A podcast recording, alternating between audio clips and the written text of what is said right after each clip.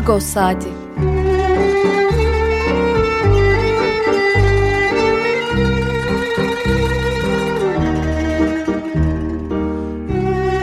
Haftalık Agos gazetesinin penceresinden Türkiye ve dünya gündemi.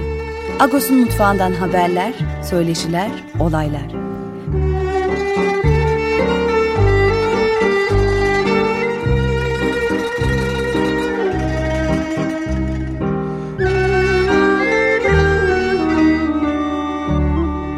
Radyo Agos.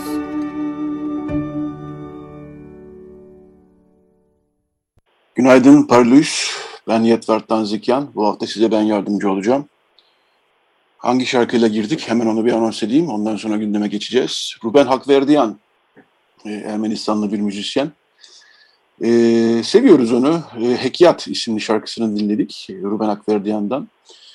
Ben bir tür ona e, Ermenistan'ın e, Leonard, Leonard Cohen'i diyorum. E, bilmiyorum kendi yaptığım benzetme ne kadar doğru ama yine de e, böyle e, söz içerikleri önemli olan şarkılarla e, Ermenistanlıların gönlünde taht kurmuş, Ermenilerin gönlünde taht kurmuş bir müzisyen Ruben Akverdiyan.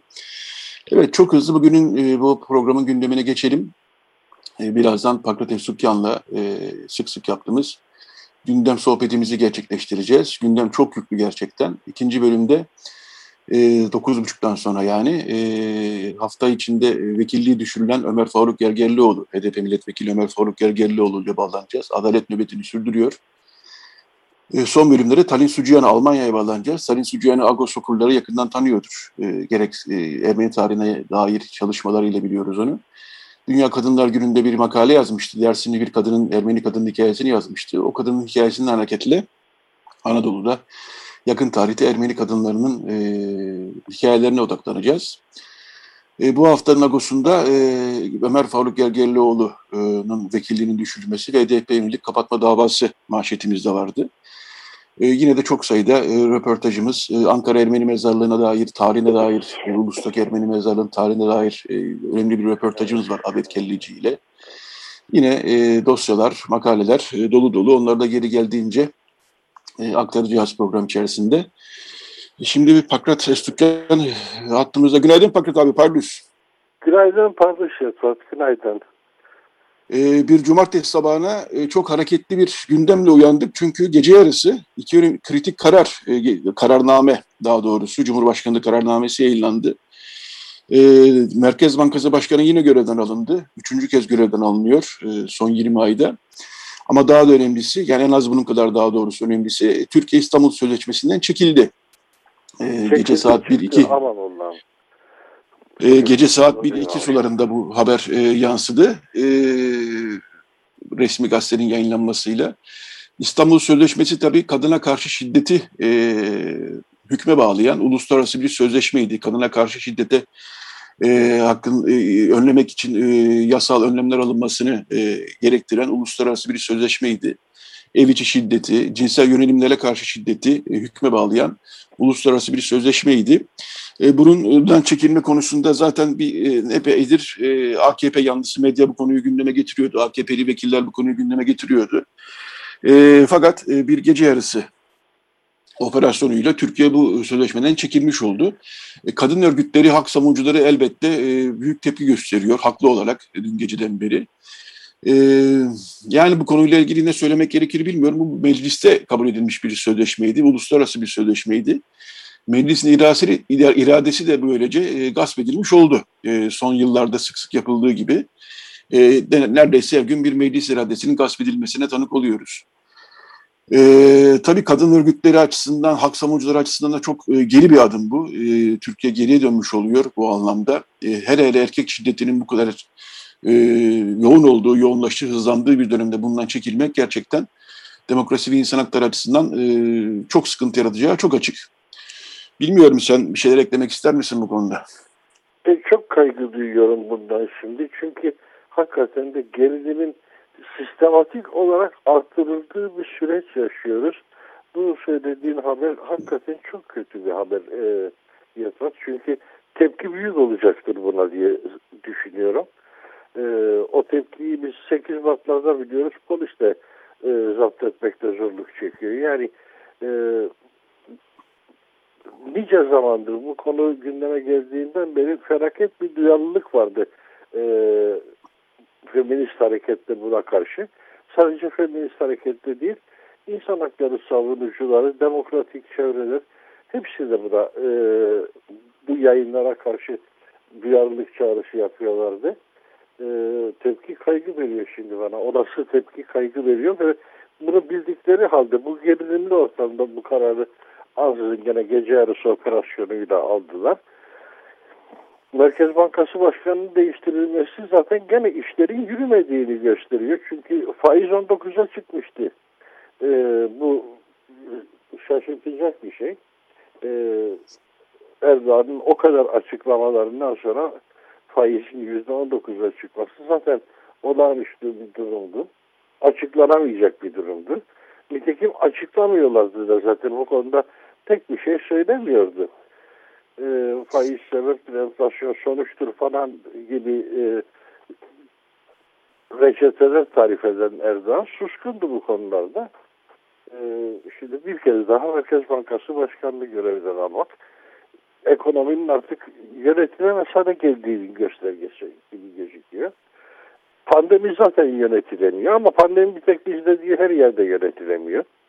Dünyanın her yerinde yani bizde gerçekten kaos gibi bir ortam var. Vakalar birdenbire bir artış gösterdi. Ee, üçüncü dalga deniyor bunun adına. Ee, artık her gün 20 aşan e, bulaşlarla karşılaşıyoruz. Bunlar çok vahim tablolar. Ama üç aşağı beş yukarı her yerde bu durum böyle. O yüzden o ikinci bir planda kalıyor bu şimdi. Ne kadar da yaşamsal önemi olan konu olsa da o ikinci planda kalıyor. Esas politik atmosfer HDP'nin yasaklama girişimi Sayın Gergerlioğlu'nun vekilliğinin düşürülmesi zaten gerilimler yüksek.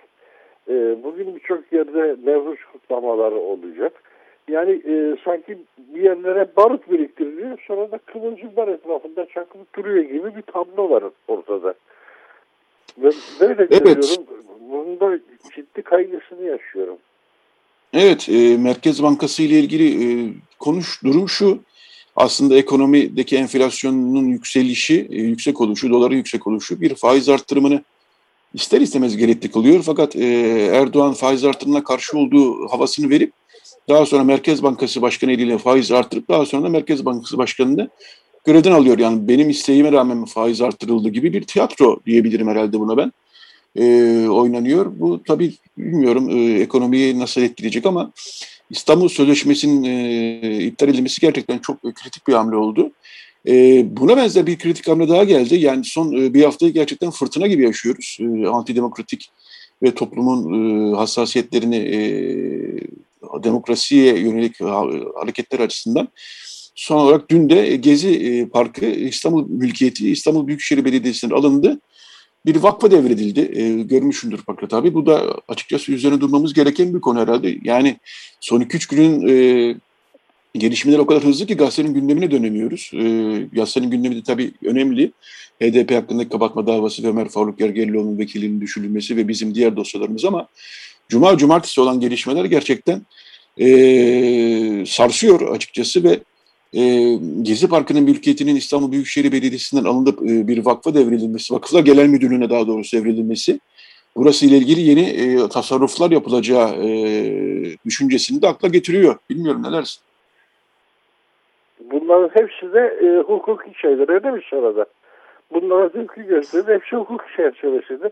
Hepsi yasalara uygun en e, içinde çıkılmaz tarafı da bu. Yani yasalara uygun demek ne? Yasa mantığa uygun değil, akla uygun değil, hiçbir şey uygun değil. Ben kendimi bildim bileli orası belediyenin, bir içinde belediyenin gazinosu vardı ben çocukken. Ee, çocukken biz oralarda oynardık. Ee, annem daha doğrusu bizden oraya hava alalım diye gündüzleri götürürdü ufacık bebekken diyelim yani 3-4-5 yaşındayken e, o zamanlardan bilirim. İçerisinde belediyenin e, gazinosu vardı, şu vardı, bu vardı. E, sonraki yıllarda orada düğün salonu vardı. Gene belediyenin yıllar, yıllarca orada pek çok dostumuzun düğününe, nişanına tanık olmuşuzdur. Şimdi orayı sen gasp et, al belediyenin elinden bu belediyeyi topal çevirme çabalarının e, parçalarından biri teker teker e, her bir şeyi yapıyorlar. Gene daha bu hafta içerisindeydi. E, belediyeye bağlı şirketlere genel müdür atama yetkisinde de başkanı etkisiz hale getirdiler. O yetkiyi de meclis verdiler. Mecliste çünkü e, AKP çoğunluğu var. E, başkanın elini kolunu bağlamak için, iş göremez hale getirmek için. E, yani başkan iş göremezse bunun ceremesini kim çeker? O ilin e, halkı çeker. Yani seçmeni cezalandırma e, usulleri sanki bunlar. Bırakalım başkanı. Evet. Her şey felaket bir kutuplaşmaya gidiyor. Yani kutuplaşma yaratan da işin gerçeği e, iktidarın kendisi gibi gözüküyor. E, Öyle tabii. Bunu da söylemek tabii. lazım. E, bunu da söylemek lazım. Evet, e, Ömer Faruk Gergerlioğlu ile birazdan e, umuyorum ki telefon bağlantınızı gerçekleştireceğiz saat 9.35'te. Yine de HDP ile ilgili kapatma davasını da istiyorsan bir değinelim. E, tabii ki HDP'nin buna tepkisi e, sert, büyük oldu e, ama ilginç bir konu var. E, büyük medya yani haber kanalları, e, büyük medyanın haber kanalları zaten kapatma karar, e, davası açılmadan önce e, her akşam HDP kapatılacak mı, HDP kapatılacak mı diye yayınlar yapıyorlardı. Nihayet istedikleri oldu. HDP hakkında kapatma davası açıldı ve e, hala e, HDP'li herhangi birini televizyona çıkarmadan saatlerce HDP seçmenleri ne olacak, HDP seçmenlerinin tercihi ne olacak? Hatta ve hatta şu noktaya kadar bile gidiyor iş. HDP seçmenleri de zaten HDP'den rahatsızdı diyen e, haber kanalları bile oldu, televizyon kanalları bile oldu tartışma programlarında. Tabii tabii tabii. tabii. E, yani yıllar sonra bir kez daha e, bir parti kapatma davasıyla karşı karşıyayız. E, Selahattin Demirtaş, eski HDP eş genel başkanı dün bir açıklama yaptı cezaevinden ve dedi ki bundan önce darbe ve statüko e, parti kapatırdı. Şimdi ilk kez bir başka bir partinin seçimi kazanması için bir parti kapatılıyor dedi. Haklı, doğru söylüyor bence. E, böyle de bir duruma karşı karşıyayız. E, evet, e, o dediği doğru ama çok daha doğru bir e, ifadeyi Pervin Buldan söyledi. Bu akşam e, oyumuzun oranı yüzde yirmiye çıktı sayenizde dedi. E, evet, o bu 6 e, teorik olarak... vardı. 12 milyon seçmenimiz var bizim bugün dedi. Ve e, şimdi seçim yapılsa partimizin alacağı oy oranı yüzde yirmiye çıktı dedi. Bu doğru bir tespittir. Çünkü HDP gitgide tek muhalefet hareketi haline gelmeye başladı. Nitekim Başsavcının hazırladığı e, yazıda da iddianamede de tam da bu işleniyor. Deniyor ki e, milli davalarda sürekli arkada durun. Hangisidir milli dava? Afrin'in işgaliymiş milli dava. Hangisiymiş milli dava? Libya'ya asker göndermekmiş milli dava. Bunlarda karşı çıkma kapatma gerekçesi oluyor. Savcının aklıyla bunların hepsi milli davaymış ve bütün bu milli davalarda hükümeti karşısında tavır almış. O yüzden kapatılması gerekiyormuş. Yani bu bana şeyi hatırlatıyor. Ee, Fransa'da Emin Zola'nın düştüğü durumu. Emin Zola o Dreyfus davasında tek başına e, bütünlüğüyle bir linç kampanyasının içerisine düşmüş olan Fransız toplumunun onurunu kurtarabilen tek adam oldu karşı duruşuyla. Tek başına bütün Fransa'ya karşı durdu. Dreyfus davası çok çarpıcı bir hikayedir çünkü. Yahudi bir subayın vatan hainliğiyle suçlanması, casuslukla suçlanması, üstelik aslı astarı yokken bunun yapılması sırf linç operasyonu olarak Yahudi nefreti olarak bunun tasarlanması ve bu akıma da e, sağcısıyla solcusuyla bütün bir Fransa'nın toplum olarak da dahil olması ve buna karşı e, o Dreyfus'un yanında durma cesaretini gösteren tek başına bir Emin Zola. Türkiye'de de aynı iklim karşısında durma cesaretini gösteren hareket olarak HDP vardır. Ve bu çok değerli bir muhalefettir benim gözümde. Evet, e, son 5-6 dakikamızda da gazetenin gündemine geçelim Pakrat abi. E, bu hafta e, hakikaten ilginç dosyalar var demiştik. Manşetimiz zaten biraz evvel söyledim. E, Ahmet Kelleci, araştırmacı, e, Ankara Ulus'taki Ermeni mezarlarının tarihini ve Ankara e, Ermeni e, toplumunun cemaatini ve Katolik cemaatinin tarihine dair e, önemli bir çalışma yapmıştı. Onda İşen Erdinç'in yaptığı söyleşi var. E, tavsiye ederiz. Hakikaten Ankara Ermeni toplumuna dair, o mezarlığa dair, o mezarlığın üzerindeki şapele yıkılmış artık şapele dair önemli araştırmalar var, bulgular var. Aykan Erdemir, akademisyen, eski CHP milletvekili Aykan Erdemir ilginç bir çalışma yapmış. Onu da hatırlatalım buradan. E, biz iki hafta kadar önce Harputlu bir Ermeni, Ermeni'nin Mustafa Kemal Atatürk'e mektubunu yayınlamıştık. Çok yankı yarattı bu mektup. 1937 yılında yazılmış bir mektuptu ve mektuptaki e, imza Harputlu bir Ermeni BG Karabetyan şeklindeydi. Bu, bu Cumhurbaşkanlığı arşivlerinde duruyor bu mektup. E, biz e, Amerika örneğini vermesinden yani Mustafa Kemal Atatürk'e Türkiye için Amerika o yıllar için Amerika örneğini vermesinden e, yazarın e, Amerika'da yaşıyor olabileceği düşüncesine kapılmıştık. E, Aykan Erdemir'de oturmuş Amerikan nüfus kayıtlarında e, Bedros Karabedyanları araştırmış ve e, ilginç bulgulara ulaşmış. E, yani tam olarak saptayamasak da kimin yazdığı mektubunu. Yine de Harput döneminin Amerika'ya göç hikayelerine dair çok hoş bir yazı çıkmış ortaya. E, bunu da e, tavsiye ederim. Yani bu hafta e, biz e, gazetemizi her zaman buradan e, tabii tavsiye ediyoruz. Bu hafta da böyle ilginç dosyalar var.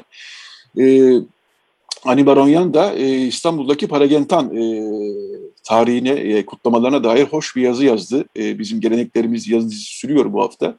İstanbul'daki Paragentan kutlamalarına dair, o geleneklere dair, yemeklere dair e, güzel bir makale kaleme aldı. E, o var. E, Ağustos'ta yine her zaman hafta olduğu gibi yine pandemiye eğiliyoruz. Pandemi gidişata eğiliyoruz. Yine e, bir bilim adamıyla röportaj, bilim insanıyla röportajımız var ve e, iki kere aşı olanlar tedbir elden bırakmasınlar diyor. E, Hrant Dink Vakfı'nın definecilere bir hatırlatması var. Çünkü bazı defineciler Hrant Dink Vakfı'nın kültür haritasını alarak kazı yapıyorlarmış diye bir söylenti dolanıyor. Hrant Dink Vakfı da bu konuya dair bir açıklama yaptı ve Hrant Dink'in bir yazısını paylaştı. O da bu haftaki Ağustos'ta var. E, sizden haber Pakrat abi kısaca sen de Ermenice sayfalardan biraz bahset istersen. Ee, şimdi işgal ettiği için o röportajı gerçekten çok değerliydi. O yüzden de biz Ermenice sayfalara onu tercüme ederek koyduk. Hakikaten o dört karakter üzerinden e, yürüyerek e, meseleyi analiz etmesi gerçekten çok önemliydi. Ermenice sayfalarda gene e, bizim e, biliyorsun Ermenice'deki birinci sayfalar zaten haberler içerikli oluyor ağırlıklı olarak. E, Gergerlioğlu'nun vekilliğinin düşürülmesi bizde de manşet haber olarak girdi ve HDP'nin kapatılması için dava açılması. E, ama iç sayfalarımızdaki köşe yazılarımızda halen Karabağ Savaşı'nın etkileri var. E, Zohinar mesela gene e, portreler çizmişti. Savaşta hayatını kaybedenlerden portreler e, ilginç bir e, köyden bahsetti. E, bu köyün adını ilk kez duyuyorum. E, 40 haneli mi, 100 haneli mi bilmiyorum ama 11 asker kaybettiler dedi. Bu savaşta 11 şehitleri var dedi. İkisi halen e, gelemedi. Kayıp yani bedeni de bulunamadı dedi. E, Tancı Boğazlar'ın gene ilginç röportajları vardı. Böyleydi Ermenice sayfaların genel tavrı. E, Noray Dadıryan'ın e, etimolojik çalışması çok değerliydi gene bu hafta. E, çok hoş bir makaleyi gündemine taşımıştı. Bu hafta içerik böyleydi Ermenice sayfalarda. E, bir gelişme daha oldu Ermenistan'da. 20 Haziran için bir seçim e, e, Başbakan Paşinyan açıkladı. İki e, muhalefet partisiyle görüştükten sonra Müreffeh Ermenistan ve Aydınlık Ermenistan partilerinin liderleriyle görüştükten sonra 20 Haziran'da erken seçime gidiyoruz e, dendi. Ee, kalan muhalefet biraz e, şüpheli 20 Haziran'da erken seçim olacağından ama artık ortaya bir tarih atıldı. Dolayısıyla bir süreç devam ediyor gibi gözüküyor. Şimdi oradaki muhalefet hareketi e, yakın bir geçmişe kadar bir blok gibi hareket ediyordu. E, ama o blok e, çok ciddi çatlaklar yaşadı. Çünkü kendi aralarında bir de it, e, ittifak etmişlerdi. Bir e, başbakan adayları vardı. Vasken Manukyan e, ismi çerçevesinde. Ama sonra e, hem Robert Koçaryan hem Sarkisyan bir daha siyasi ortama geri dönme işaretleri verince orada ciddi kırılmalar zaten yaşandı. Fakat en önemlisi hiçbir zaman bekledikleri halk desteğini sağlayamamışlardı.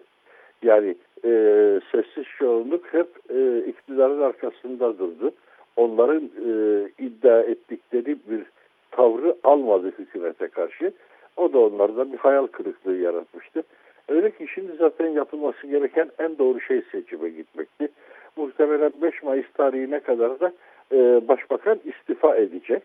Yerine geçici bir başbakan e, seçilecek ama e, burada da kendi partisi gene etkin olacaktır. Dolayısıyla e, ilginç bir e, tablo oluştu şimdi.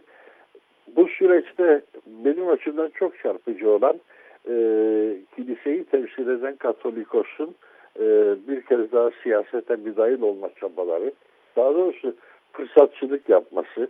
Çünkü biliyorsun kalife devrimde e, Sesler Kisyan e, devrildikten sonra e, öfke biraz da kilisenin başına e, yönelmişti. Çünkü e, Sarkisyan iktidarı döneminde o hep e, iktidarın yanında olan bir adamdı. E, Katolikos II. Karekin. E, öfke ona yönelmişti. Ama sonra o dindirilebildi. Şimdi böyle bir kargaşa çıkınca bir kez daha siyasete dahil oldu. Aynı sıkıntı bir de Taşnak Partisi için geçerli. Taşnak Partisi diasporada çok etkili ama Ermenistan'da ciddi bir etkinliği yoktu. Bu süreçte onlar da orada bir parçadan pay kapmaya çalıştılar. E, çalıştılar. E, onlar da büyük prestij kaybına uğradılar. Böyleydi tablo orada. Evet, e, Türkiye'nin e, Agos'un ve Ermeni toplumunun gündemine böylece e, değinmiş olduk Pakrates Türkan. Çok teşekkürler Pakrat abi e, yayına katkın için. E, evet, birazdan e, Radyo Agos devam edecek. Evet, sana iyi bir hafta sonu diliyoruz. Teşekkürler Pakrates Türkan. Eyvallah, iyi yayınlar. Teşekkürler. Evet, e, Radyo Agos devam edecek dedik. E, şimdi karşı kıyıya bir uzanalım. E, Lizeta Kalimeri'den dinleyeceğiz şimdi. Salomi, daha sonra bir reklam arası, daha sonra bir şarkımız da olacak. Kısa kısa şarkılar bunlar, çok uzun değil. E, daha sonra da e, adalet nöbetini sürdüren e, Ömer Faruk Gergerlioğlu'na e, bağlanacağız. Üçüncü gece oluyor bu gece. E, evet, e, Radyo Agos devam ediyor. Radyo Agos. Evet, Radyo Agos devam ediyor. E, Radyo Agos'un bu bölümünde e, milletvekili, e, vekili düşürüldü ama bizim için hala milletvekili tabii ki e, Ömer Faruk Gergerlioğlu e, hattımızda kendisi e, çarşamba gününden beri mecliste adalet nöbetini sürdürüyor. E, gerçekten bütün hak savunucuları ve demokrasi inananlar tarafından e, sindirilemeyen bir karar oldu bu. Ömer Faruk Gergerlioğlu'nun vekilliğinin e, Yargıtay verdiği kararla düşürülmesi, mecliste okunması. E, günaydın Ömer Faruk Bey. Günaydın Yetvar Bey. Ee, kolay gelsin diyorum size öncelikle çünkü e, doğru mu sayıyorum çarşamba gecesi, perşembe gecesi ve cuma gecesi üç gecedir mecliste kalıyorsunuz ve adalet nöbetini sürdürüyorsunuz. Ee, doğru mu saydım? Ee, evet efendim dört gündür meclisteyim, ee, adalet nöbetindeyim. Daha doğrusu nöbetindeyiz. Arkadaşlarım da bana destek oluyor. Ee, milletvekili arkadaşlarım da gece gündüz buradalar e, ve önemli bir direniş sergiliyoruz. Ee, geleceğim gelişmeleri ama e, geceleri nasıl geçiyor? E, zor mu geçiyor? Orada bir e, sanıyorum yatak var e, değil mi? Orada hiç olmazsa biraz dinlenme şansı buluyorsunuz galiba. E, evet tabii ilk gece kanepede yattım. Ondan sonra e, arkadaşlar yer yatağı ayarladılar. Şimdi yer yatağında yatıyorum. E, e, tabii ev konforu olmuyor. Büro ortamı burası e, diğer insani ihtiyaçlar açısından biraz sıkıntı oluyor ama hallediyoruz, gideriyoruz. E, e, böyle hem milletvekili arkadaşlarımız var hem danışman arkadaşlarımız e, ve e, ziyaretçilerimiz oluyor. Dün 12 ayrı heyet geldi. Basın yayından çok arayan var. Yani telefonlarımız susmuyor. E, binlerce mesaj geliyor değerli halkımızdan e, destek yağıyor e, ve biz de işte hem ulusal hem uluslararası medyaya bu durumu anlatıyoruz, direnişimizi anlatıyoruz. Evet, e, şimdi e, ilginç bir şey, ilginç derken e, can sıkıcı bir gelişme tabii bu her açıdan. E, ama teamüllere göre aslında bundan önce de bazen e, hukuk bir vekille ilgili bir karar alırdı ama o e, kararın okunması dönem sonuna bırakılırdı. Eğer o vekil tekrar seçilirse yine e, gündeme gelmezdi. E, sizinle ilgili böyle sanki hedef yani iktidar tarafından hedef alınmışsınız gibi bir durum oldu. Yani bir paylaştığınız bir haber üstelik de yani bir retweet yaptığınız bir haber üstelik haberle ilgili bir tahkikat da yok haberin kendisiyle ilgili. Bunu retweet evet. ettiğiniz için e, zamanında kaç sene önce tabii ki üstelik de E, dava açıldı, e, hüküm verildi. Yargıtay da bunu e, onadı ve bu onama jet hızıyla mecliste okundu. Yani bu sizin vekilinizin düşürülmesi için özel bir çaba e, çoğunluk tarafından, meclisteki çoğunluğu orta, e, yani koalisyon oluşturan partiler tarafından özel bir çaba varmış gibi anlaşılıyor bu. Ne dersiniz? Nasıl değerlendiriyorsunuz evet, bu süreci? Efendim bunu görmemek mümkün değil. İnanın ki A'dan Z'ye her kesimden gazeteci beni aradığında, hukukçu bu dosyalara baktığında bana bunu söylüyor. Bu hukuki bir karar değil, bu siyasi bir karar. Bu belli ki sizin için e, ayarlanmış bir karar. E, bu çok net ortada. Çünkü ben bir haberi paylaştım sadece. E, gazetecilikte suç değildir. E, 15 Temmuz darbe girişimi sonrası bozulan çözüm sürecine dönmek isteyen e, Murat Karayılan'ın bir demeci gazeteciler tarafından haberleştirilmiş. Bu da e, işte e, yeni kapı ruhu, demokrasi nöbetleri denen de, döneme gelmiş. O hani madem böyle bir yeni kapı demokrasi deniliyor, biz de çözüm sürecine hazırız demiş Karayılan. E, devlet adım atarsa barış bir ayda gelir şeklinde bir başlıkla bu haber yayınlanmış. Haberin içeriğinde de işte hani adım atılsın, barış gelsin. Hatta Bülent evet. Arınç'ın da orada bir demeci ver, BBC'ye verdiği böyle bir takım e, barış olabilir mi soru işaretlerinin e, tartışıldığı bir haber. Ben bu haberi çözüm süreci sonrası e, boz, e, bozulan e, barış ortamı ve çatışma ortamı nedeniyle e, her gün standart barış haberi paylaşan bir insan olarak e, retweetledim. Hani bu çağrıya uyulsa iyi olur. Hani başka yolu yok. Çatışma devam ediyor gibi bir notla paylaştım. Ve bundan dolayı iki buçuk yıl terör örgütü propagandasından ceza yedim. Şimdi hakime ya bu haber yayında dedim. Erişim yasağı yok. O, hı hı. Web sitesine açılmış bir dava yok. Retweet eden başka birisine bir soruşturma yok. Niye bana ceza veriyorsunuz? E, istinafta derdini anlatırsın. İki buçuk yıl ceza hmm. dedi. Ya gerçekten hayret ettim. İstinafa gittiğimizde hadi hani birçok şey bilen ama yine de saf bir Türkiye Cumhuriyeti vatandaşı olarak zerre kadar hukuk varsa memlekette herhalde bu bozulur diye düşündüm. Ama istinafta belli ki dosya bile okunmamış ve hı hı. Yargıtay'a gitti. Ee, bu tabii e, bu süreçler devam ederken ben milletvekili seçilmiştim Kocaeli'nden ve yargılamanın durması hı hı. gerekiyordu. Çünkü hani bir üyelik e, suçlaması da değil bir propaganda suçlaması ki benim yaptığım propaganda değil. Hadi propaganda olsa bile anayasa madde 14'teki kısıtlayıcı maddelere girmiyor. E, ve bu yüzden de e, benim dokunulmazlığımın geçerli olması ve yargılamanın durması gerekiyordu. Bunu da yapmadılar. Asmane bir tavır burada da hissediliyor ve Yargıtay e, bu kararı sonunda onadı. E, ve e, bir üye çok e, nitelikli bir şekilde itiraz etti ama. E, 21 sayfalık Yargıtay karar metninin 16 sayfası e, bu itiraz eden hakimin metniyle doluydu hı hı. ve e, çok ciddi bir itiraz yapıyordu. Yargılamanın durması gerektiği, retweet edene ceza verilirken ha, ha, haber yayınlayana e, herhangi bir işlem yapılmaması ve e, cezanın da yanlış bir maddeden verildiğini söylüyordu. Hani teknik olarak da bir hata var. TMK 7 bölü 2'den verilmez, TMK 6 bölü 2'den verilir verilecekse ki o, o bundan bile verilmesi hatadır, katılmıyorum diyordu hakim. Ve kararı yerden yere vuruyordu. Ama ne, nedense dört hakim buna hiç bakmamıştı ve kararı onamıştı. Çok ağır bir haksızlık çıkmıştı ortaya. Gerçekten ben hani Yargıtay en azından biraz daha iyi inceler diye düşünürken e, bu karar e, meclise geldi. Meclis başkanı e, bekletebilirdi. Dönem sonuna kadar bekletme yetkisi var bakın. Meclis başkanı boşuna değil, boşuna başkan değil. E, ama bekletmedi. İkinci bir husus Anayasa Mahkemesi'ne başvurmuştuk. Anayasa Mahkemesi'ne kadar e, bekletebilirdi. Çünkü Enis Berberoğlu kararı vardı önünde. Hani hı hı. Enis Bey'in kararı verilmeden önce önünde böyle bir örnek yoktu. Hani diyelim bir hı hı. hata yaptınız. E, o hata e, size e, bir mahcubiyet şeklinde döndü. E, ikinci bir hata yapıyorsunuz şimdi e, benim kararımı e, okuyorsunuz ve size belli ki e, ikinci mahcubiyet olarak dönecek. Anayasa Mahkemesi'nden ihlal alması yüzde yüz olan bir e, dosya bu. Gerçekten inanılmaz anayasa madde ihlalleri var.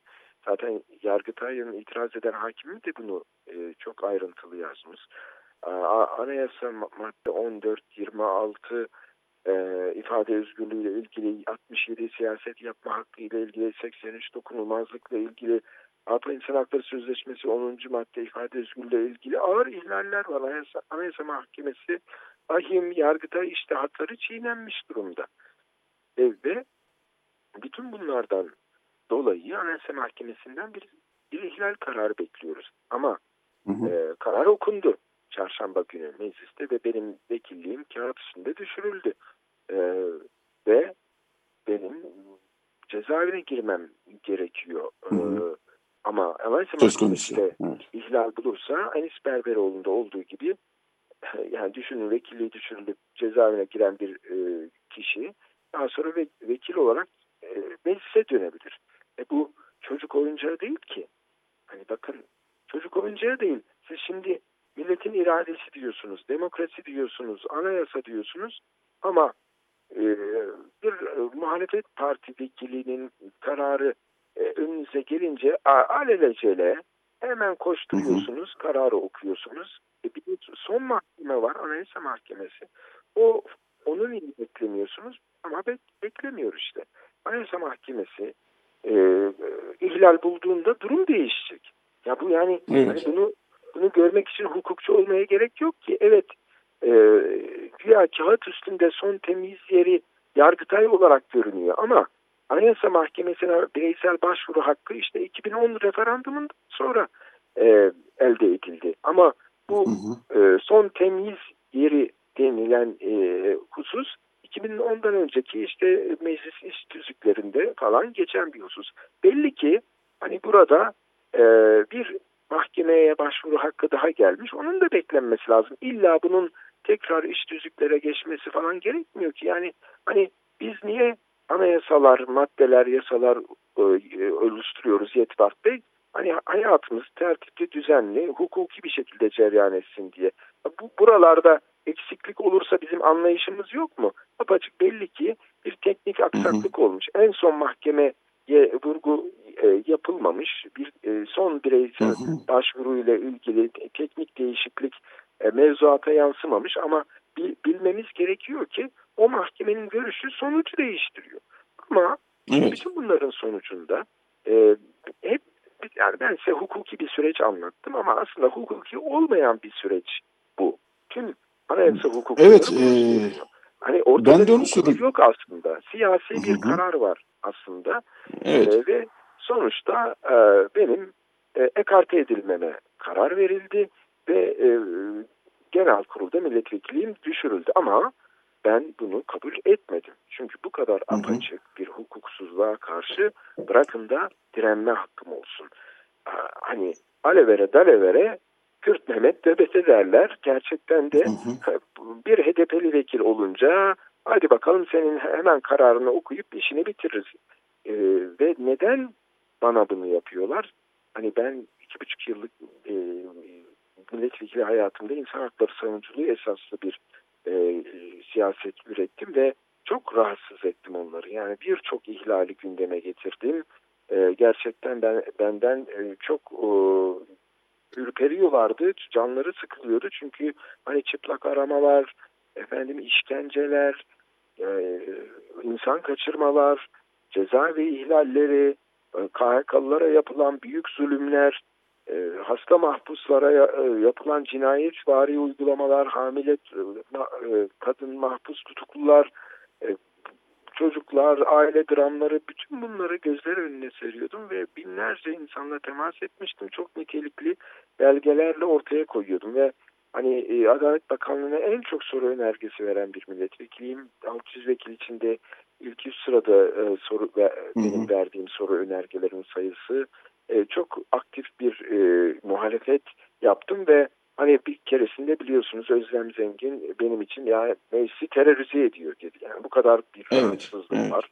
Hani onların önüne ihlallerini getirmemiz, efendim hı hı. E, ve e, her farklı ihlali getirmemiz. Ne bileyim Uygur Türkleri konusunda mesela kök söktürüyordum onlara. Yani e, hı hı. ne bileyim işte her farklı dini ve etnik kesime yaptıklarını önlerine koyarak e, bu ihlallerden vazgeçmeleri gerektiğini söylüyorduk. E, ve sonunda Evet Ömer Faruk Bey kararla, e, son karar verildi.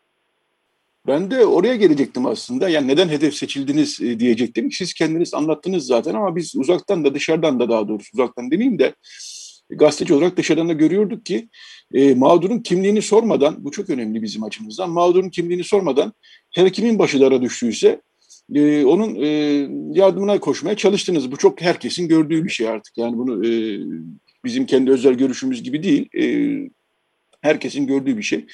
Fakat yine de bir tür kırılma e, anı e, hissediyor musunuz? Yani bunları yaparken yaparken yaparken ben sanki biraz e, bu çıplak aramalar ve e, Kuzey Irak Harekatı ile ilgili mi acaba e, sizin çıkışlarınız mı bu evet. süreci hızlandırmada etkili o, oldu bilemiyorum. Bir, Siz... E, şöyle hani sadece çıplak arama değil. Şimdi hı hı. E, hani o biraz göze değdi. İnsanlar sadece o zannediyor ama Yetvart'ta inanın ki iki buçuk yıldır benim e, bu iktidardan yemediğim hakaret, küfür hı hı. kalmamıştı. E, sürekli ithamlar, sürekli etiketlemeler, sürekli böyle e, devre dışı bırakma çalışmaları ile uğraşıyordum. E, yani İçişleri Bakanı, Adalet Bakanı meclise gelince ilk benim adımı ağzıma alıp e, hani kimdir bu, nasıl böyle bize bu kadar eleştiri yapıyor falan diyordu. İşte en son bardağı taşıran damla çıplak arama mevzusu oldu tabii ki. Hı hı. Ben çünkü e, ben inatçı bir insanım. İhlallerin üstüne hı hı. ısrarla giderim açıkçası. Hani bu devleti çok iyi tanıyoruz. Hepimiz, siz de biz de hepimiz çok iyi tanıyoruz. Ee, ihlalleri önüne götürürsünüz. Hemen size gayet soğuk mekanik bir devlet diliyle der ki e, yoktur öyle bir şey. İşte her şey mevzuata uygun yapılmıştır. Şudur budur. Tek iş böyle bir sorun bulunmamıştır. Yani ya Allah aşkına yani ben Adalet Bakanlığı'na 2000 soru önergesi verdim bir tek mi ihlal kararı çıkmaz? Ya melek misiniz siz nasıl olmuş? Bana bana gelen hı hı. şikayetlere bakınca binlerce şikayet var. Onlara bakınca bir tek sıkıntı yok. Orası bir cennet. Hı hı. Allah Allah. Hatta İnsan Hakları İnceleme Komisyonu'na 3000 dilekçe vermişim. Bakın rekor yani. Birinci sıradayım. Evet. Ee, giden komisyona giden başvuruların Türkiye'den giden başvuruların üçte biri benden gitmiş. Bu kadar yoğun. Bir tek ihlal kararı çıkmıyor. İşkence, insan kaçırmalar için heyet oluşturalım diyorum. Oluşturmuyorlar, e, sümen altı ediyorlar bütün olayları. En son işte bu çıplak arama konusunun üstüne üstüne gittim. Ki ben iki buçuk yıldır bu konuları sık sık gündeme getiriyordum ama çok medyatik olmuyordu. Bizi çok üzen konulardı bunlar. Hani hı hı. bana soracak olursanız sizi en üzen ihlal başvuruları hangisidir diye soracak olursanız. Hani bu kadınların çok utanarak e, gözyaşlarıyla anlattığı çıplak arama meseleleri. Hı hı. Gerçekten bir cinsel işkenceye dönmüştü. E, hı hı. Cezaevine eşini ziyarete gitme e, isteyen kadınların çıplak arama anlatımları, o hı hı. yaşadıkları mahcubiyet, o işte eşini ziyaret edememe korkusuyla boyun eğdiği çıplak arama olayları e, bizim canımızı çok sıkıyordu. En son e, Uşak Emniyet Müdürlüğü'nde bir çıplak arama olayı yaşandı. Bu sefer birçok genç kadın öğrenciye yapılmıştı. 26 öğrenci. Ben bunun üstüne gittim e, hemen örtbas edildi. Dört gün sonra bir açıklama yapılıp e, her şey usule uygun, mevzuata uygundur bir şey yoktur falan dendi. Ama öyle değildi. E, ve bana farklı her kesimden de yine çıplak arama başvuruları geliyordu. Ve ben 9 Aralık günü bütçe görüşmelerinde bu konuyu tekrar gündem ettim e, hani o genç kadın öğrenciler çok e, çıplak bir gerçeği, bir olayı anlatıyordu bana. E, hı. Polisler bizi kapalı bir odaya aldı. E, indirin e, iş çamaşırınızı e, dizinize kadar. Üç kez oturun kalkın. Biz diyoruz şaşırdık. Ne oluyor? Ne biçim? Ne, ne demek istiyorsunuz yani? Otur kalk. Dediğimi yap falan bir sert, daha sert emir sonrası gözyaşlarıyla bu hareketleri yapan öğrencilerin anlatımları. E bunun karşısında ben bunu tekrar gündeme getirdim. Bu, bu var dedim bakın. Herkese de yapıyorsunuz. Ee, işte sol camiadan birisine de yapıyorsun. FETÖ soruşturmalarında gözaltına alınana da yapıyorsun. Bir başka Kürt'e de yapıyorsun. Var bu dedim bakın. Hani örtbas etmeyin. Ben bunu söyleyince çok e, büyük bir yankı yaptı. Hani belki benim bu evet. E, konuşmamın 20 saniyesinde anlatılan olay belki 1 milyona yakın izlenmiş. Toplum büyük bir ilgi gösterdi ve neden ilgi gösterdiğini sonra anladım. Meğer insanlar yaşadıkları o bu olayı söyleyemiyormuş. Ben dile evet. getirince bana bir sürü sözel yazılı ifade geldi. Ya biz de yaşadık Ömer Bey söyleyemiyoruz, utanıyoruz. Sen dile getirdin ama çok haklısın bak, çok haklısın denmeye başladı. Kadınlar videolar çekip çektiklerini anlatmaya başladı. Bir olay başladı yani. Gerçekten Türkiye Cumhuriyeti tarihinde böyle bir insan hakları hareketi başladı. Yani insanlar yaşadığını anlatmaya, itiraz etmeye başladı. Bu çok ciddi bir olay. Bakın sadece bir çıplak aramanın bitmesi değildi. Bir ciddi toplumsal itiraz ve hak arama eylemi başlamıştı. Ama muktedirler çok tedirgin oldu inanın ki. Ne yapacaklarını bilemediler. Büyük bir telaş. AK Partili tüm grup başkan vekilleri, başta Özlem Zengin olmak üzere beni işte FETÖ'cü, terörist, efendim vatan haini şu bu. Her türlü iftira, etiket bana yapıştırıyorlar. Bir bir saldırıya geçtiler. E, hakkımda e, işte dezenformasyonlar, troll saldırıları gerçekten böyle yani çok e, gece gündüz beni böyle bunalttılar. Efendim en sonrasında İçişleri Bakanı kalktı bana hakaretler, küfürler eşliğinde sözler söyledi. Yani gerçekten onları çok kızdırdığımı gördüm ama ben haklıydım yani çıplak arama vardı evet. ve ben de evet. hani haklı olduğum konunun arkasını bırakmam. Ee, ve bu arada bir Anayasa Mahkemesi e, çıplak arama ihlal kararı verdi. Boğaziçi öğrencilerine, işte Kürtlere, solculara, muhaliflere e, çıplak arama yine yapıldığını herkes gördü ve insanlarda bir bilinç oluşturdum Yetvart Bey. Bu bana büyük gurur veriyor. Artık hı hı. çıplak aramaya uğrayan insanlar bize bu yapıldı demeye başladı. Ve hatta hı hı. Ömer Bey bana da yapıldı deyip beni aramaya başladılar. Ya biz bunu hı. mevzuattan hani yap, bir şey bilirdik, yapılabilir bir şey bilirdik. Demek ki o olmamalı Anladım. diyerek hı hı. bir bilinç oluştu. insanlarda itiraz etmeye başladı ve bu arada biliyorsunuz Özlem Zengin AK Parti ile grup başkan vekili inanılmaz cümleler söylemeye başladı. İşte en başta inanamıyorum Türkiye'de öyle bir şey yoktur FETÖ'cü uydurmasıdır falan demişti. Daha sonra e, suç duyuruları yap, yapmaya başlayınca o kadınlar çünkü bir cesaret Hı-hı. onlara da gelmişti. Hani e, evet. ilk başta gözaltından çıkınca bu suç duyurusunu yapamamıştı ama e, bu herkes bana da yapıldı deyince onlar da suç duyurusu gidip yapmışlardı üç buçuk ay sonra. Hı hı. Ee, Özlem Zengin o süreyi de e, çarpıtarak bir yıl sonra mı yapar bir onurlu, ahlaklı kadın gibi tarihi bir unutulmaz bir cümle söyledi biliyorsunuz. Bütün böyle evet, alt oldu evet. kamuoyu. Ve ardından hani battıkça çırpınan, çırpındıkça batan bir insan olarak işte efendim o kadınlar bizim iktidarımızı sarsmak, eleştirmek için aslında çocuk sahibi oluyorlar e, talimatla bebek sahibi oluyorlar gibi başka bir kafa ve vicdansızlığa imza attı ki terör suçlularına pembe o da hakkı yok mevzuatta. Hani o, o kadınların e, bebekleriyle girdiği cezaevlerinde ne sıkıntılar yaşandığı, efendim hamile olarak giren kadınların en az e, üçünün e, düşük yaptığını biliyorum. Böyle birçok olay var hani o bebeklerin cezaevlerinde yaşadıkları sıkıntılar, psikolojik ve fizyolojik sıkıntıları çok iyi bildiğim cezaevlerini çünkü iyi takip ediyorum bu sıkıntılar. Hani evet. şu insanı çok üzüyor. Bir tarafta Yetvart Bey kadın binlerce kadının çektiği bir çile ve işkence vari olay düşünün. Bu yaşanırken hı hı. bir muktedir e, diyor ki efendim bunların hepsi hikayedir. Bizim iktidarımızı hı hı e, sarsmak için bunlar bebek sahibi oluyorlar talimatla gibi korkunç bir vicdansız e, cümle söyleyebiliyor.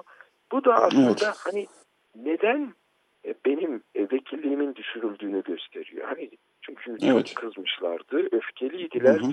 Çıplak gerçeği ortaya çıkarmıştım. Kral çıplak demiştim.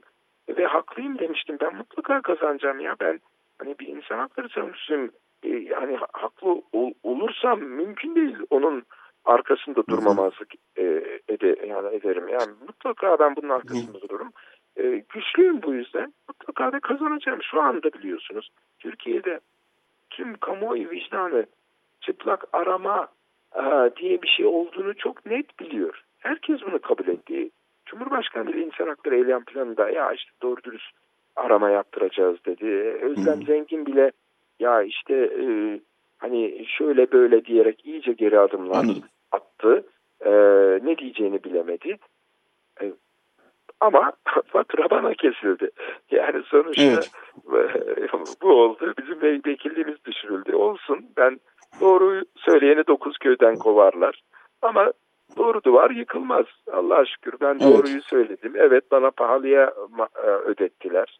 Resmen çıplak arama sonrası hızlandırılmış bir yargı süreci bu. Çünkü hani çıplak arama öncesi de bir hasmane tavır vardı. Bakın çok olağan dışı bir yargısal süreç sonrası.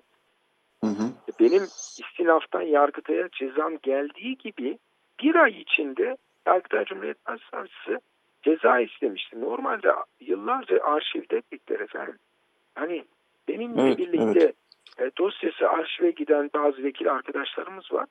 E, hala arşivde dosyaları. Veyahut da işit e, evet. zanlıları var. 4,5-5 yıldır dosyaları yargıtayda. Hı. Veyahut da tutuklu insanlar var. Bakın e, Yargıtay evet. onamadığı için denetimin serbestliğe çıkamıyor. Adam boşuna cezaevinde yatıyor. Yargıtay bu dosyalara da bakım, bakamıyor ama nedense bir, belli ki bir siyasi irade bu Gergerlioğlu'nun dosyasını aradan çek, bunu, buna kararını ver, biz e, ipini çekelim, kellesini alalım e, demek istemiş ve şu anda evet.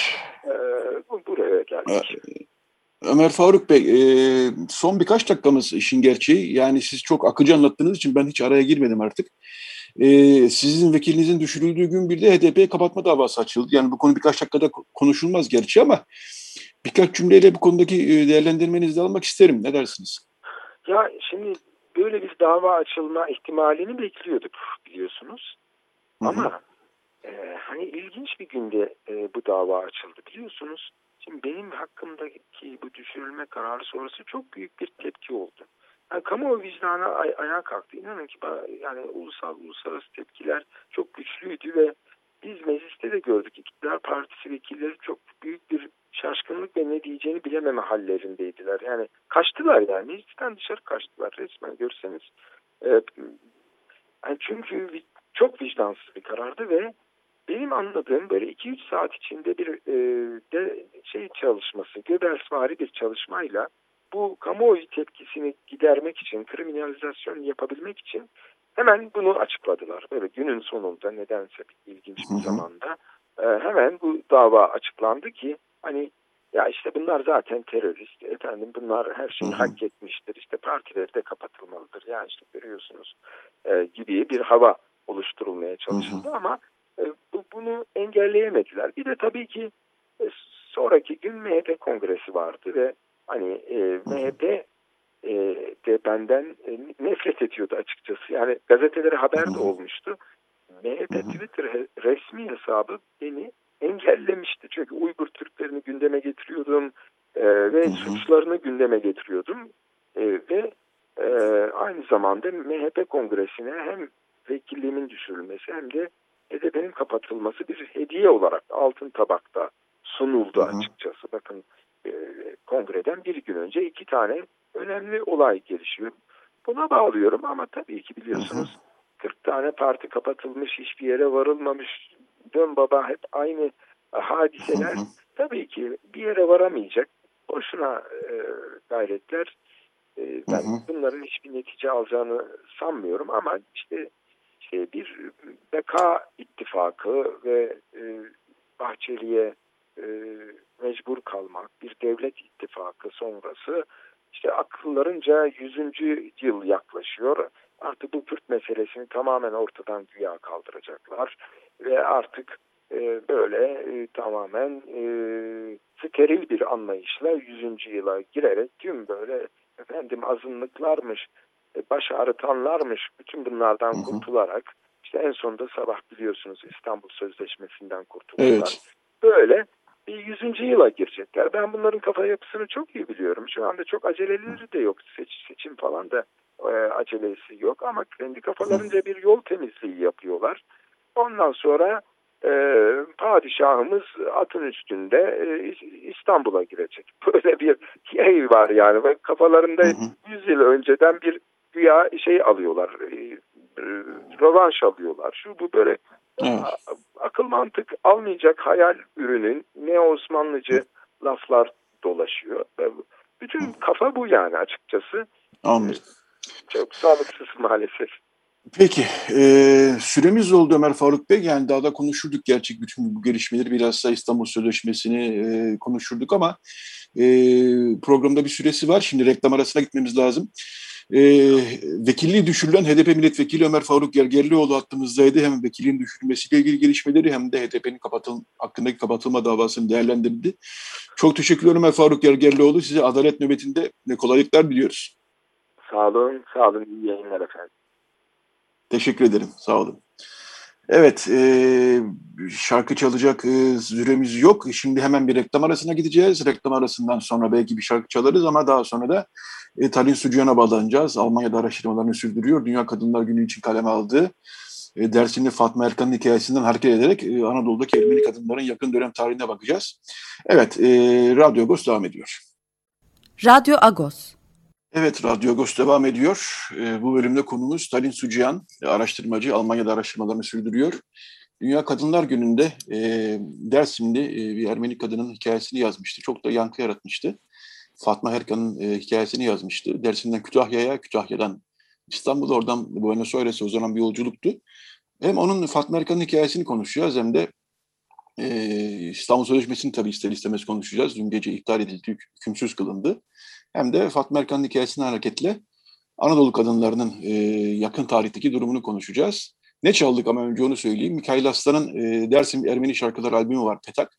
Oradan e, gidin getirin Türkçe diyebiliriz. E, Katek Perek şöyle diyor. Gidin bir çift kumunu getirin gelsin damadımızı övsün e, diye başlıyor ve böyle devam ediyor. Günaydın Talin, Parlus. Parlus Yetvert. E, Almanya'dasın. Orada saat 8 olması lazım. E, günün erken bir saatinde seni uyandırmış olduk. Evet ben erken mesaideyim ama ben bu erken mesaiyi seviyorum. Çünkü seninle konuşmayı, Radyo Agos'a katılmayı çok seviyorum. Bir tür. Biz, bir tür eve dönüş oluyor, güzel oluyor. Teşekkürler, biz de öyle. Ee, ya bu gündem konumuza geçeceğiz ama gece yarısı bir e, kararnameyle e, İstanbul Evet. Sözleşmesi e, hükümsüz kılındı. Evet. E, yayının başında da konuştuk biraz Pakrates Sükkan'la ama bir kadın olarak seninle de konuşmak isterim tabii ki. Yani bence Ee, buna sadece kadınlar değil herkesin bir şey söylemesi lazım. Tabii ki İstanbul Sözleşmesi'nden böyle bir gece yarısı operasyonuyla çekilmek e, bize gösterdiği şey maalesef yine aynı şey. Cezasızlık prensibi ne kadar vazgeçilmez bir prensiptir. Ne kadar devletin temeline dair bir prensiptir ve oradan bir adım e, öteye gidilmez. Bize yani bunu göstermesi açısından korkunç bir şey ve tabii ki başladı e, sosyal medyada görüyoruz e, şu an itibariyle m, kadın örgütleri e, bu çekilmeyi e, protesto ediyorlar ve tabii ki çok büyük bir tepki gelecektir. Ve bugün konuşacağımız konuları da e, böyle bir günde, böyle bir bağlamda konuşuyor olmak da aslında yani bu böyle insan şey gibi söyleniyor, ge- ta- geçmeyen geçmiş, e, hiç geçmediği falan ama ge- tarih yani geçmiş gerçekten geçmiyor. Yani yanımızda bir yerlerde yürümekle de kalmıyor her günümüzü, her anımızı belirleyen bir şey olarak karşımıza çıkıyor. Bu da bunlardan e, maalesef en kötülerinden bir tanesi herhalde. Evet, e, tepkiler çok yoğun gerçekten de. Sosyal medya dün geceden Evet. beri bu konuya yönelik tepkilerle e, dolu diyebiliriz. Haklılar da. e, böyle Tabii bir, ki. e, hüküm- bir de üstelik de e, bu ilave bir e, problem daha var. Problemin ötesinde bir skandal diyebiliriz. Bu mecliste e, oylanarak kabul edilmiş bir sözleşmeydi. Meclis de hükümsüz kılınmış bu durumda. Evet. Hükümsüz kılınmış oldu. Dolayısıyla neresine bakarsanız bakın çok sorunlu, çok can sıkıcı, e, çok sıkıntı yaratacak bir hamle e, gece yarısı kararnamesiyle İstanbul. Sözleşmesi'nden çekilmek. Evet, e, sen e, Dünya Kadınlar Günü'ne denk gelen haftada e, bir e, kadının hikayesini, Dersimli bir kadının hikayesini yazmıştın. Çok da yankı yarattı gerçekten. Fatma Herkan. Senin ama bu hikayeyle tanışman da, bu hikayeyi öğrenmen de aslında ilginç. Onun kızıyla sanıyorum değil mi? Önce tanışıyorsun daha sonra bu hikayeyi öğreniyorsun. Evet. Ee, evet. Biraz kısaca bahset istersen nasıl gelişti bu hikaye. Ben o Fatma Erkan'ın kızıyla tanışmam çok eski bir hikaye. 25 sene öncesinin bir hikayesi ama ondan sonra birbirimizin izini kaybettik ve tekrar buluştuğumuzda da e, ben herhalde Erkan'la ilgili e, hikayeyi son bir yıldır yavaş yavaş dinleye dinleye üst üste koya koya e, anlamaya çalışa çalışa e, sonuçta bir gün yazabildim böyle bir şey. Yani Fatma Erkan gibi kadınların hikayelerini yazmak e, hayat hikayelerini yazmak, onların e, hissiyatının, e, de, tecrübelerinin arasında dolaşmak çok kolay deneyimler değil. E, zaten çok becerebileceğimiz de deneyimler değil ama sadece en azından çalışabiliriz. Yani en iyi şekilde bugüne şimdiye nasıl yansıtabiliriz diye çalışabiliriz. Ancak bunu yapabiliriz. E, bu benim için herhalde işte bir sene kadar sürdü. Sonunda da e, sizin de e, yayınladığınız, e, çok teşekkür ederim yayınladığınız için de o yazı çıktı ortaya. İstersen kısaca bir özetleyeyim burada yazıyı okumamış olanlar için. Tabii Olur ki. mu? Tabii tabii tabii evet. Fatma Erkan 1919'da Dersim'in Kızıl Kilisesi'nde doğmuş. Ee, kardeş gibi büyüdüğü bir yetim var Minas. E, ve daha sonra köyde başka e, Minas'a Ermeni kız ve Herkan'a e, Ermeni erkek olmadığı için birbirleriyle e, evlendirilmişler ve iki çocukları olmuş. Ancak Minas vefat etmiş. Herkan'ın babası da vefat edince bir kadının, Ermeni bir kadının hele de e, köyde yalnız kalması mümkün olmadığından e, bir başkasıyla evlendirilmesi gerekmiş. Ve bu sürede de e, Dersim'e sürüle, Dersimli Halvorili bir e, aile Kütahya'ya sürülmüşler. E, İbrahim Foren'in ailesi. İbrahim Foren eşini kaybedince köyüne haber gönderip bir, e, kendisine uygun bir eş bulunmasını istemiş. Bu durumda da Herkan'ı iki çocuğuyla Kütahya'ya göndermişler. Ee, İbrahim Foren'in altı çocuğu, e, e, Fatma Herkan'ın iki, iki çiftin de yine iki çocuğuyla on çocukluk bir aile, on çocuklu bir aile olmuşlar. Ancak e, orada herkesin Türkçe isimleri var ve Türkçe kimlikleri var Kütahya'da yaşadıkları köyde. Fakat köylüler yine de onlara gavur e, demeye, kuyruklu Kürtler demeye devam etmişler. Kore'nin vefatıyla Herkan 10 çocukla bir Türk köyünde kala kal, yapayalnız kalca, kalmış olduğu için Çocukları toplayıp bir süre sonra e, İstanbul'a gelmişler. Tabii İstanbul'da da e, Gedikpaşa'ya o dönemde çok Ermeninin, e, çok Kahtagan Ermeninin de aynı zamanda yaşadığı Gedikpaşa'ya gelmişler. Fakat orada da Türkçe isimleri olmasından, e, Müslümanlaştırılmış olmalarından, Ermenice bilmemelerinden e, oradaki Ermenilerle bir bağ kuramamışlar. Fatma Herkan çocuklarını Ermeni bir çocuğunu e, okutabilmiş, onu da Ermeni okuluna gönderememiş. Çocuklarını e, Ermenilerle evlendirmesi de binbir zorlukla ancak olabilmiş. E, bütün bunların e, devamında e, yarım yüzyıl sonra Herkan kız kardeşi Flor'u bulmuş Buenos Aires'te ve e, üç çocuğuyla e, kız kardeşiyle birlikte yaşadığı, torunlarına baktığı Buenos Aires'te 25 yıl geçirerek orada vefat etmiş.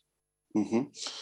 E, bu hikaye aslında e, geç yani 1800'lerin sonunda ve 1900'lerin başlarında Anadolu'daki e, Ermeni kadınların e, yaşadıklarından aslında sadece bir parça ama açıklayıcı bir parça. E, sen bu konuyla da çalışıyorsun zaten ve Anadolu'daki Ermeni kadınlarının e, yaşadıkları zorluklarla ilgili yazışmalara, e, Patrikhane'ye yaptığı yazışmaları da çok inceledin. Hatta bununla ilgili bir e, yazılı çalışman da var. E, dolayısıyla e, bu kadınlığı konuşurken aslında biraz bunları da konuşmak gerekiyor sanıyorum. Orada büyük sıkıntılar yaşanıyor değil mi? Evet, şimdi Fatma Herkan'ın hikayesinden hareketle yaşadığımız şimdiki zamanın, şimdilerin fark, hakkına değinmek istiyorum. E, ne demek istiyorum bununla? Marksist Yahudi düşünür Ernst Bloch hepimiz aynı şimdiyi yaşamıyoruz, aynı şimdiyi paylaşmıyoruz diyor.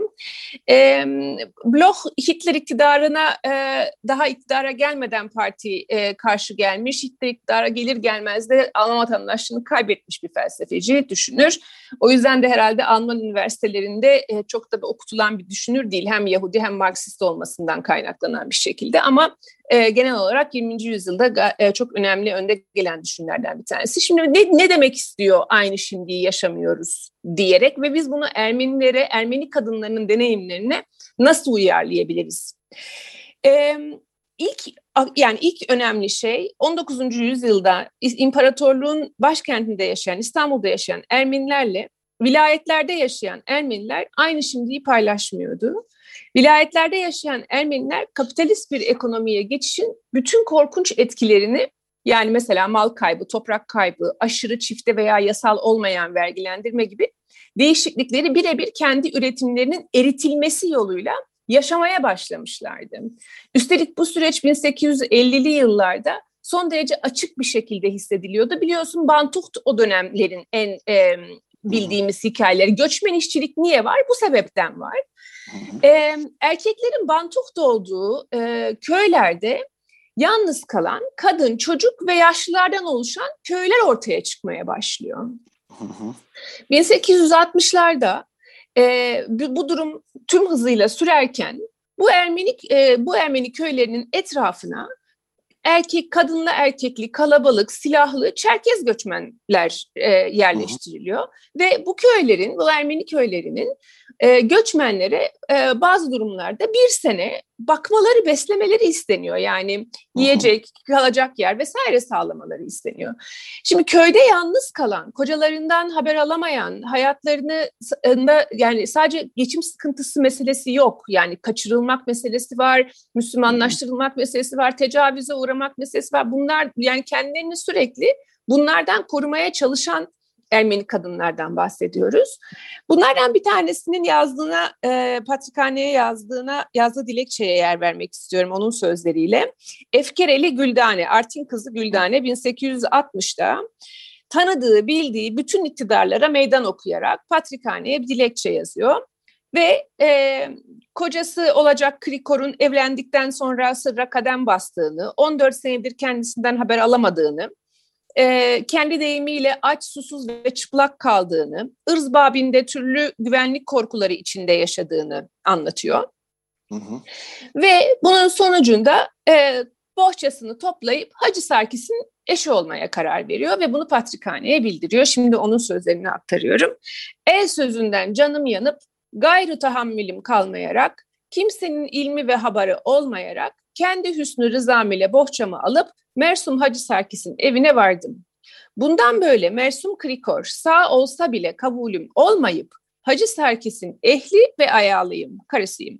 Bu cümle ile eğer bundan sonra sen efendim beni Hacı Sarkis'ten ayırmak üzere emredersen kanım ve balim boynuna olup sualimi Kristos huzurunda sen ver. Hı hı bu şekilde bir yani e, şey başka bir çaresi kalmadığını anlatmaya çalışıyor Patrikhane'ye. Yani bu, bu, bu uygundur, uygun değildir bilmem benim yaşamak için başka bir çarem kalmadı diyor aslında Güldane.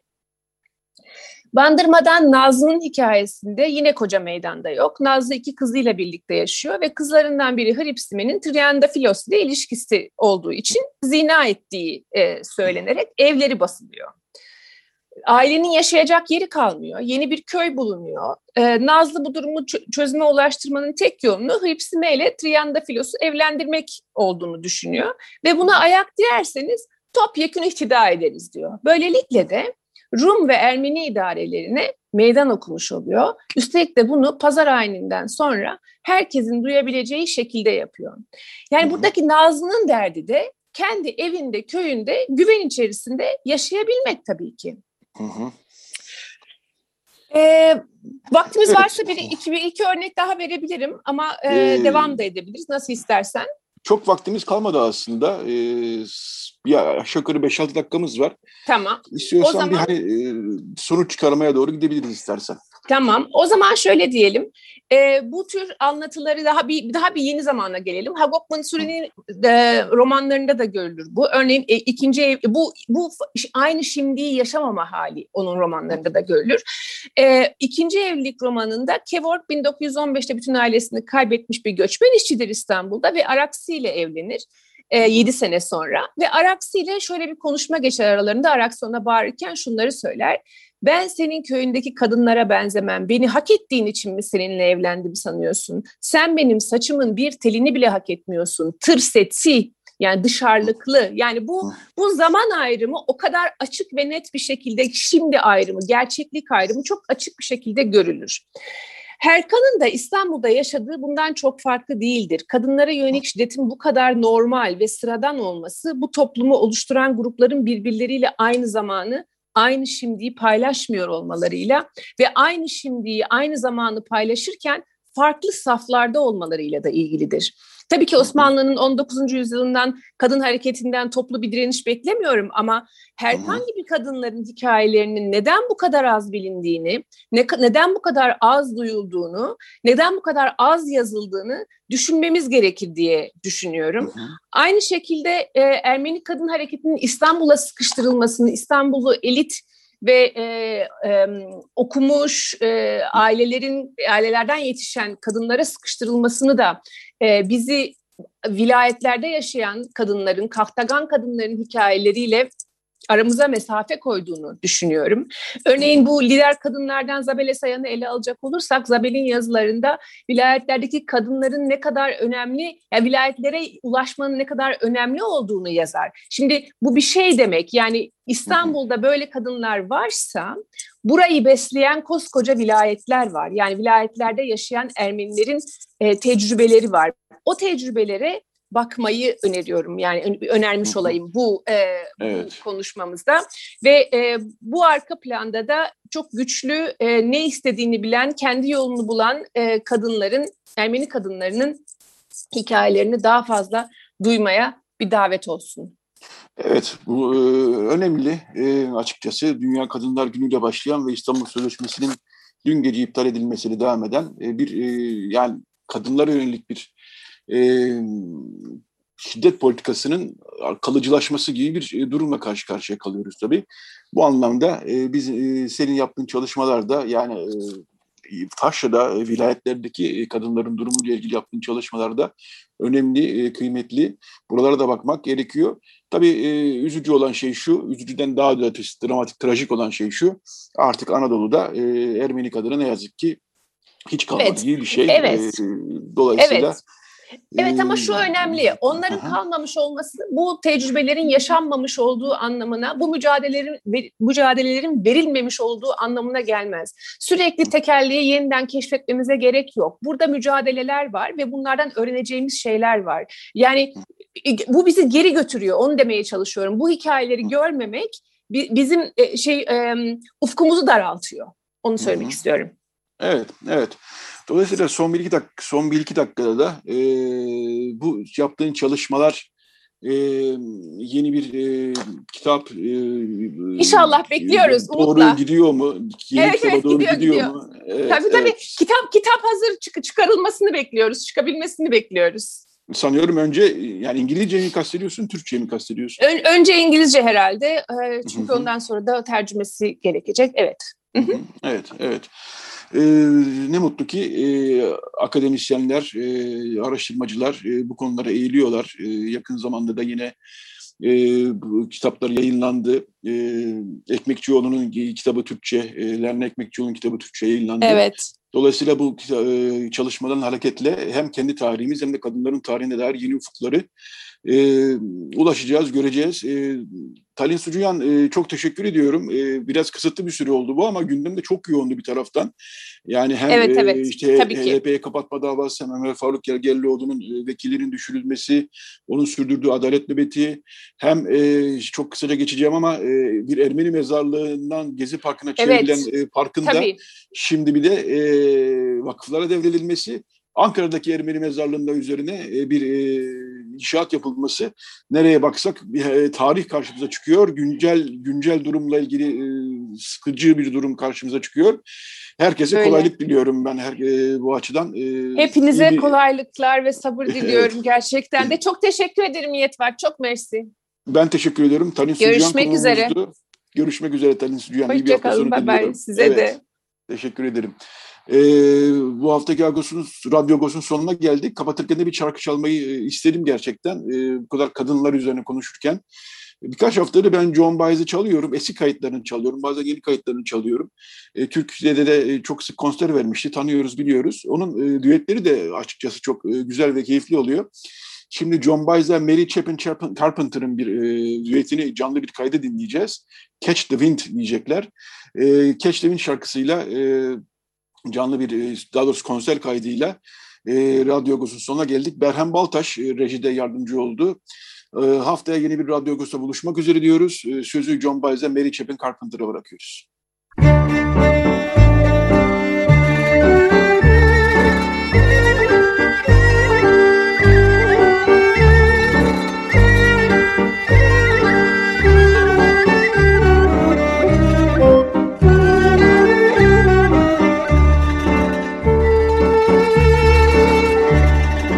Agos Saati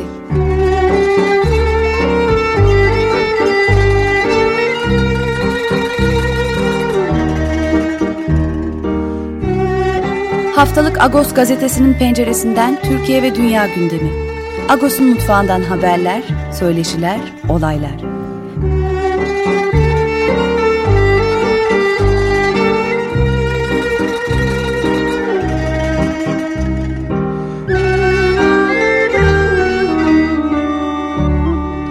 Radyo Agos